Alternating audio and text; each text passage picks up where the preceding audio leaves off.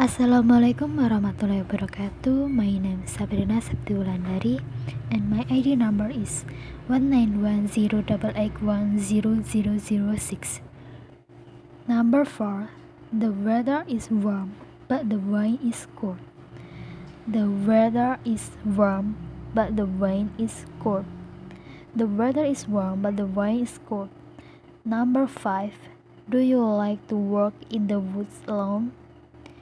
Do you like to work in the woods alone?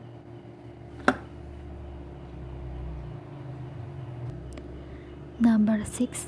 I waited a week for them to fix my watch. I wait a week for them to fix my watch. I wait a week for them to fix my watch. William has a new wrist watch which he bought in Woolworths. William has a new wrist watch which he bought in Woolworths. Number 8. What are you watching through that window? What are you watching through that window? What are you watching through that window? Number 9. I'm watching those workmen argue with one another. I'm watching these workmen argue with one another. I'm watching these workmen argue with one another. In the last number, although Wednesday was a cold, windy day, we all went to the wedding. Wedding. Although Wednesday was a cold, windy day, we all went to the wedding.